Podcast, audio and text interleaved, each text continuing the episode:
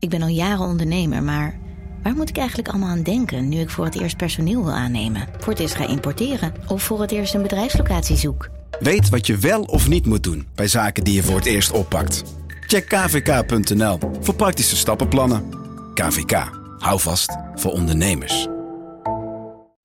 Al 125 jaar kwaliteit voor jou thuis met Miele. Dat vieren we met jou. Ontvang nu tijdelijk een cashback tot 125 euro op veel Miele-apparatuur. Geniet van de kwaliteit van Miele. Voor perfect verzorgd wasgoed en kleding die veel langer mooi blijft. Voor een stralend schone vaat, even perfect als jouw diners. En een stofvrij thuis waarin echt hygiënisch schoon de standaard is. Check miele.nl voor alle feestelijke aanbiedingen. Vanaf de redactie van NRC het verhaal van vandaag. Mijn naam is Thomas Ruip.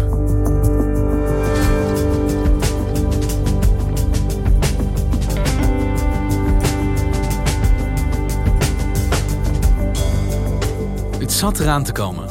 Voor de derde keer in zijn presidentschap nomineerde Donald Trump zaterdag een uiterst conservatieve rechter om plaats te nemen aan het Hoge Rechtshof. Daarmee drukt Trump voor decennia zijn stempel op het Amerikaanse rechtssysteem, ziet correspondent Bas Blokker. En niet alleen dat. Wellicht zelfs op de afloop van de aankomende verkiezingen.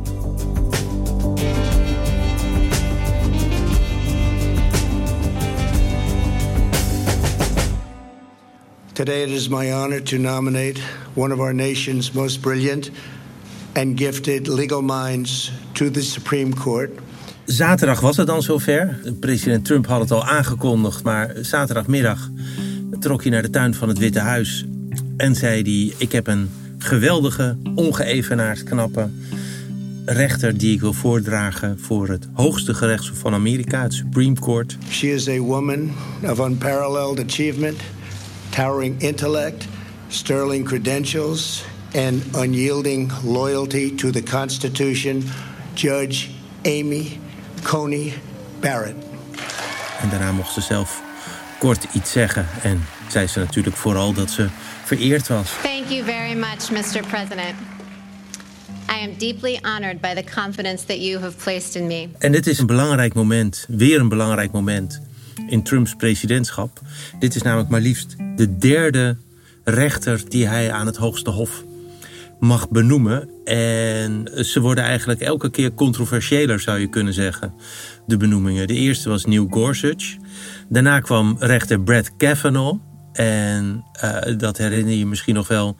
Die was um, heel omstreden omdat er een vrouw zich had gemeld die naar eigen zeggen als middelbare scholier door hem was aangerand toen hij dus ook een middelbare scholier was. En uh, de derde vrouw is zelf ook een beetje controversieel, want anderhalve week geleden intussen overleed Ruth Bader Ginsburg, um, een naam die ook in Nederland beroemd is. Uh, haar bijnaam werd Notorious RBG. It was beyond my wildest imagination that I would one day become the Notorious RBG.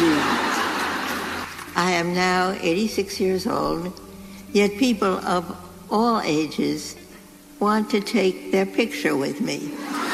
En dat is omdat zij een uh, onbevreesde onafhankelijke rechter was, die met name aan de linkerkant van het politieke spectrum enorm veel bewondering afdwong. Iedereen was al een beetje bang, hield al de adem in of ze zou blijven leven, want iedereen vreesde dat ze zou sterven terwijl Donald Trump nog president was. En dat ze dan, zij, juist zij, icoon voor progressieve Amerika, zou worden vervangen door een keuze van Donald Trump. En precies dat is gebeurd. Ja, en de plek van de progressieve uh, Ruth Bader Ginsburg, dus RBG, wordt vervangen, mogelijk door Amy Coney Barrett. Ik zeg maar even ACB. Wat is dit dan voor een vrouw? Zij is um, heel vroom katholiek. Zij is niet alleen van de mainstream katholieke kerk, maar is ook lid geworden van een uh, nou, vrij sectarische groep die zichzelf People of Praise noemt. En um, dat is een zeer conservatieve tak van het katholicisme. Be bepaalt geen uh, paus Franciscus aanhanger, zeg maar. Our family includes me, my husband Jesse, Emma, Vivian, Tess, John Peter, Liam, Juliet en Benjamin. Zij is moeder van liefst zeven kinderen, van wie er twee zijn geadopteerd. Vivian and John Peter were born in Haiti and they came to us five years apart when they were very young. Belangrijkste is eigenlijk dat ze heel jong is. Ze is 48. En waarom is dat belangrijk? Omdat je aan het Supreme Court voor je leven wordt benoemd. Dus als ze zo oud wordt als RBG, dan uh, is zij 40 jaar lang een van de hoogste rechters van Amerika. En wat is het in dat profiel van deze Amy Coney Barrett dat haar zo aantrekkelijk maakt voor Trump op deze positie? Nou, wat haar aantrekkelijk maakt voor Trump is dat zij echt een diepe conservatief is. En zij heeft een uitgesproken opvatting als persoon over uh, het recht op leven, zoals de anti-abortusactivisten dat hier noemen. En Trump heeft in zijn verkiezingsbelofte gezegd: ik ga alleen maar rechters benoemen die pro-life zijn. That will happen. And that'll happen automatically, in my opinion, because I am putting pro-life justices on the court.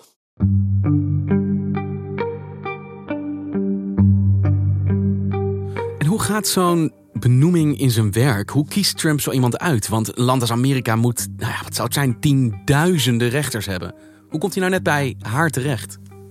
Ja, Trump heeft inderdaad, hij kan kiezen uit, uit tienduizenden rechters, absoluut. Hij heeft de keuze voor Amy Coney Barrett voorgelegd aan een heel machtige lobbygroep die ongeveer garant staat voor uh, de mate van conservatisme bij rechters. En dat is een lobbygroep die heet de Federalist Society. What's a little weird about this is that nearly 90% of Trump's appellate judges and both his Supreme Court justices are members of the so-called Federalist Society. En die is opgericht in 1982 met deze specifieke bedoeling. We moeten een vereniging oprichten voor conservatieve juristen.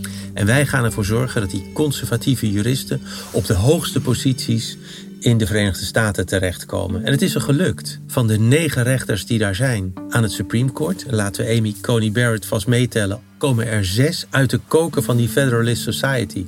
Die zijn allemaal lid geweest van die club. Dus dat is een van de effectiefste lobbyclubs van de Verenigde Staten.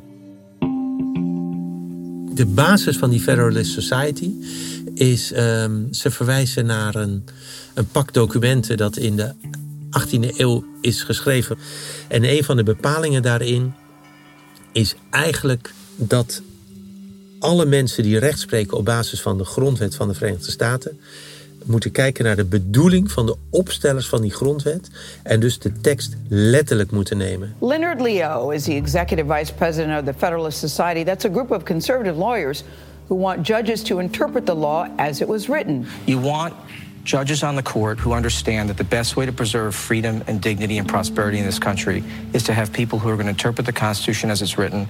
Ik vind dat een fascinerend, maar, maar ook angstaanjagend spektakel. Het is de definitie van orthodoxie. Het heeft iets weg van een soort juridisch salafisme. Ja, dat is uh, uh, ja, absoluut. Ik heb nog nooit van hen gehoord, maar hun macht is dan dus gigantisch. Want hoe gaat die beïnvloeding achter de schermen dan in zijn werk? Hoe komt deze club aan zijn bereik? Nou, deze club heeft geduld. Dat is misschien wel het belangrijkste kwaliteit ervan. Uh, nogmaals, we zijn in de jaren tachtig begonnen en hebben begrepen... wij moeten mensen langzaam opleiden... zodat ze um, terechtkomen op de goede plekken. Maar Donald Trump heeft dat eigenlijk nog een extra slag gegeven. Hij heeft namelijk van zijn rechtersbenoemingen een campagne-instrument gemaakt. Months ago, as a candidate, I publicly presented a list of brilliant and accomplished people to the American electorate and pledged to make my choice from among that list. I am a man of my word. I will do as I say. Op het moment dat Trump wist, ik wil van het benoemen van rechters aan het hoogste gerechtshof, wil ik een speerpunt maken van mijn verkiezingscampagne, is hij met zijn lijstje naar de Federalist Society gegaan. En heeft hij gezegd: Is dit een lijstje waar jullie je handtekening onder kunnen zetten, wat jullie kunnen goedkeuren? En zo is het gegaan. Well, the list was the president's idea. Uh, he actually uh, uh, called and asked to meet and uh, suggested the idea of doing a list. He was looking for three things: one, uh, extraordinarily well qualified; two, people who were, in his words, not weak. And thirdly, people who are going to interpret the Constitution the way the framers meant it to be, which is the way he put it, which I thought was an interesting uh, way to do it. Mitch McConnell, de leider van de Republikeinse Partij in de Senaat, die zei dat dit wel misschien de belangrijkste beslissing is geweest die Trump heeft genomen voor zijn verkiezingen, voor zijn campagne. En dat hij hem uh, de Republikeinse stem heeft bezorgd. En Bas, deze Amy Coney Barrett is dus ja, met zorg geselecteerd door die Federalist Society, omarmd door Trump, voorgedragen.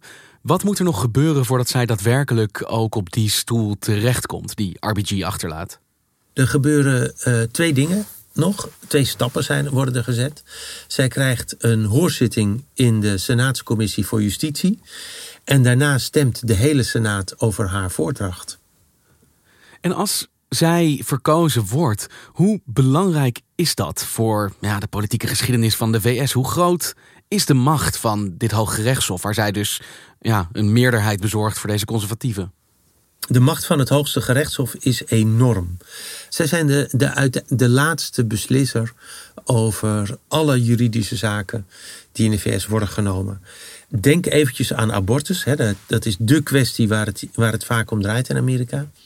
Abortus is in Amerika niet bij wet vastgelegd of niet bij wet gelegaliseerd. Het, de, uh, het recht op abortus wordt beschermd op basis van een uitspraak van het Supreme Court uit de, uit de jaren zeventig. De beroemde uitspraak Roe versus Wade. Dat betekent dat dat, dat soort hele grote en met name uh, cultureel belangrijke beslissingen die nog niet in een wet zijn gevat, die komen terecht bij het Supreme Court, worden daar beslecht. Die hebben dan in feite de kracht van wet. Dus dat is, dat is een, een, een grote macht. En dat is ook een proces wat dus continu bezig blijft. Want jij noemde het voorbeeld van abortus. Dat is iets wat nou ja, tientallen jaren geleden als grondwettelijk werd beschouwd. Maar een nieuwe Supreme Court kan weer zeggen: nee, dat is nu niet meer zo. Ja, nou, en dit is interessant. Dat weten we nog niet, wat daar gebeurt.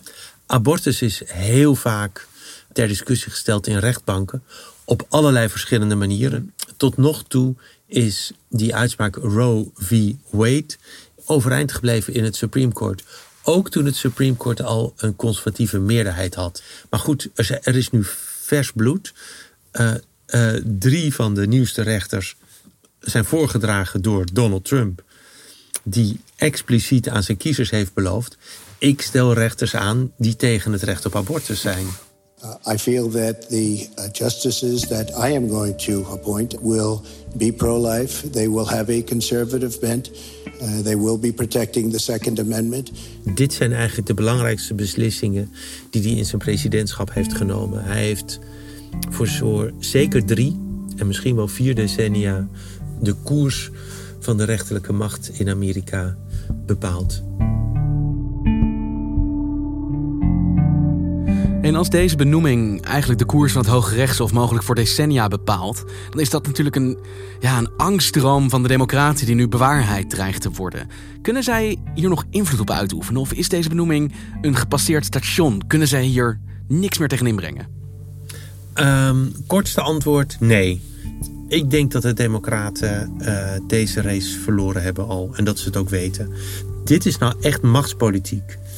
En dat is wrang en dat is voor Nederland moeilijk te vatten. Uh, ik, ik vind dat eigenlijk een van de interessantste dingen om te zien bij deze uh, Supreme Court benoeming. Hoe ongegeneerd politiek het is. Weet je, tuurlijk, ook in Nederland zijn er politieke machten die de vicevoorzitter van de Raad van State uh, doen benoemen. Dat is eigenlijk altijd iemand uit een politieke koker. Maar dat is daar niet zo ongegeneerd van ik ben nu een CDA-premier, ik benoem daar een CDA-mannetje het feit dat in Amerika zo ongegeneerd wordt omgesprongen met justitie uh, door de politiek, dat is voor mij toch elke keer verpletterend om te zien. En dan is het dus van beide kanten. Hè? Dat is, voor democraten is dat net zo vanzelfsprekend als voor republikeinen. Hebben de democraten nog politieke instrumenten om in te zetten dan hier tegenin? Ja, kijk, wat, wat de democraten wel kunnen doen is uh, repareren. Het wildste plan is om te proberen om de uh, benoeming van Amy Coney Barrett te torpederen door uh, zand in de machine te strooien. En het enige wat, wat, nogmaals, dit zit aan de ver wilde kant van de Democratische Partij. Dat is, laten we gewoon een impeachment procedure starten. Dus laten we iemand uitkiezen die we willen afzetten. En dan wordt justitieminister Barr wel genoemd. En um, dat zo lang uitrekken dat de Senaat nergens anders over kan praten. Nou, dat is, dit zit echt in fabeltjesland. Dat gaat niet gebeuren. Wat serieuzer wordt besproken zijn twee opties uh, voor het moment dat de Democraten weer een meerderheid hebben in beide huizen. Eén is, laten we vastleggen dat de benoemingen aan het Supreme Court aan een bepaalde termijn zijn gebonden. Dus dat er een pensioendatum voor rechters komt. En twee, laten we. Um, Oké, we hebben nu dus een meerderheid van zes conservatieve rechters tegenover drie progressieve rechters. Laten we het Supreme Court uitbreiden. Laten we bijvoorbeeld 13 rechters aanstellen, zodat we zeven progressieve rechters krijgen tegen zes conservatieve rechters. Want dat kan. Het kan gewoon uitgebreid worden. Je kan gewoon zeggen, nou joh, we voegen er gewoon wat aan toe en dan hebben we weer een meerderheid. Ja, het zou kunnen. Ik bedoel, er, is wettelijk niet iets dat het in de weg staat. Maar het is wel, ik vind het een soort arms race, een, eh, een wapenwedloop. Want dan, hè, dan, dan zouden de Republikeinen, als die ooit weer de absolute macht hebben, uh, het weer moeten ophogen naar 15 rechters of naar 17 rechters. En voor je het weet zit je dus met een soort uh, panzerdivisie daar uh, aan het Supreme Court. ja, het kan. En Biden lijkt dus, zeg jij al, te beseffen dat ja, ze eigenlijk op dit moment er niet zo heel veel tegen kunnen inbrengen. Heeft deze benoeming, als hij inderdaad doorkomt voor de presidentsverkiezingen, nog invloed op de uitslag van die verkiezingen? Kan dat met elkaar te maken hebben? Ja, zeker. Dat is natuurlijk de grote, grote zorg van de Democraten. In coronatijd is het zo dat mensen um, misschien niet naar het stembureau durven gaan. Uh, omdat ze denken, er komen een heleboel mensen bij elkaar. Dan staan we misschien wel een uur in de rij. De kans dat ik uh, daar het virus oploop is groot. Weet je wat? Ik maak gebruik van het Amerikaanse recht dat mij de gelegenheid geeft om te stemmen via de post. Dat is altijd goed gegaan. Daar is niet extra fraude. En toch beweert president Trump nu. Deze verkiezingen zullen enorm worden getekend door grootschalige fraude, omdat de Democraten zo nodig dat stemmen per post erin hengsten. When you do uh, all mail-in voting ballots, you're asking for fraud. People steal them out of mailboxes. People print them and then they sign them. People take them away. They force people to vote. In verschillende staten uh, zijn al procedures lopende tegen stemmen per post. De kans dat een van die procedures uh, uiteindelijk bij de Supreme Court belandt voor de verkiezingen van 3 november is uh, bepaald niet denkbeeldig. En dat betekent dat een meerderheid van wie drie rechters notabene zijn benoemd door, de, door deze president... Zullen gaan beslissen over de wettigheid van stemmen per post. Maar zeg je nou dat stel dat de VS in een situatie terechtkomen waarin de verkiezingsuitslag betwist wordt, al dan niet door de stemmen per post, dan kan het zijn dat deze Supreme Court daar een besluit over neemt en dat het dus vanwege een conservatieve Supreme Court sneller in het voordeel van Trump zou kunnen uitvallen? Dat laatste durf ik echt niet te zeggen. Weet je, uh, misschien is het, ben ik nog een sprookjesjongen, maar ik durf niet te zeggen dat een conservatieve meerderheid uh, een besluit zal nemen ten gunste van de conservatieve kandidaat. Dat weet ik niet. Het enige wat we kunnen zeggen is dat in het enige president dat we kennen, namelijk 2000 Bush versus Gore. Tja, de kansen voor El Gore zijn nu definitief verkeken. Naar verwachting zal hij vannacht onze tijd bekendmaken dat hij de handdoek in de ring gooit. En dat volgt op de beslissing van het Hoge Rechtshof vannacht in Washington. Die bepaalde dat de stemmen niet opnieuw geteld mogen worden. En daarmee lijkt dus de overwinning van George W. Bush definitief. Dat het Supreme Court heeft besloten over de verkiezingsuitslag. En dat een conservatieve meerderheid de conservatieve kandidaten aanwees dat is geen goed voorteken. Nee, en als dit dus tot een uiterste juridische procedure wordt gedreven, deze verkiezingen zo, dan kan het dus aan het Supreme Court zijn om te besluiten wie er president van de VS wordt. Ja, en dat durf ik wel te zeggen. Dat is ook voorspelling, maar dat is een voorspelling die ik wel aandurf. Um, dat gaat zeker gebeuren.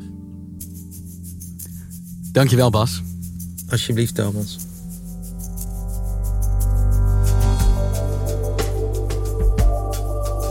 Je luisterde naar vandaag, een podcast van NRC. Eén verhaal, elke dag. Dit was vandaag. Morgen weer.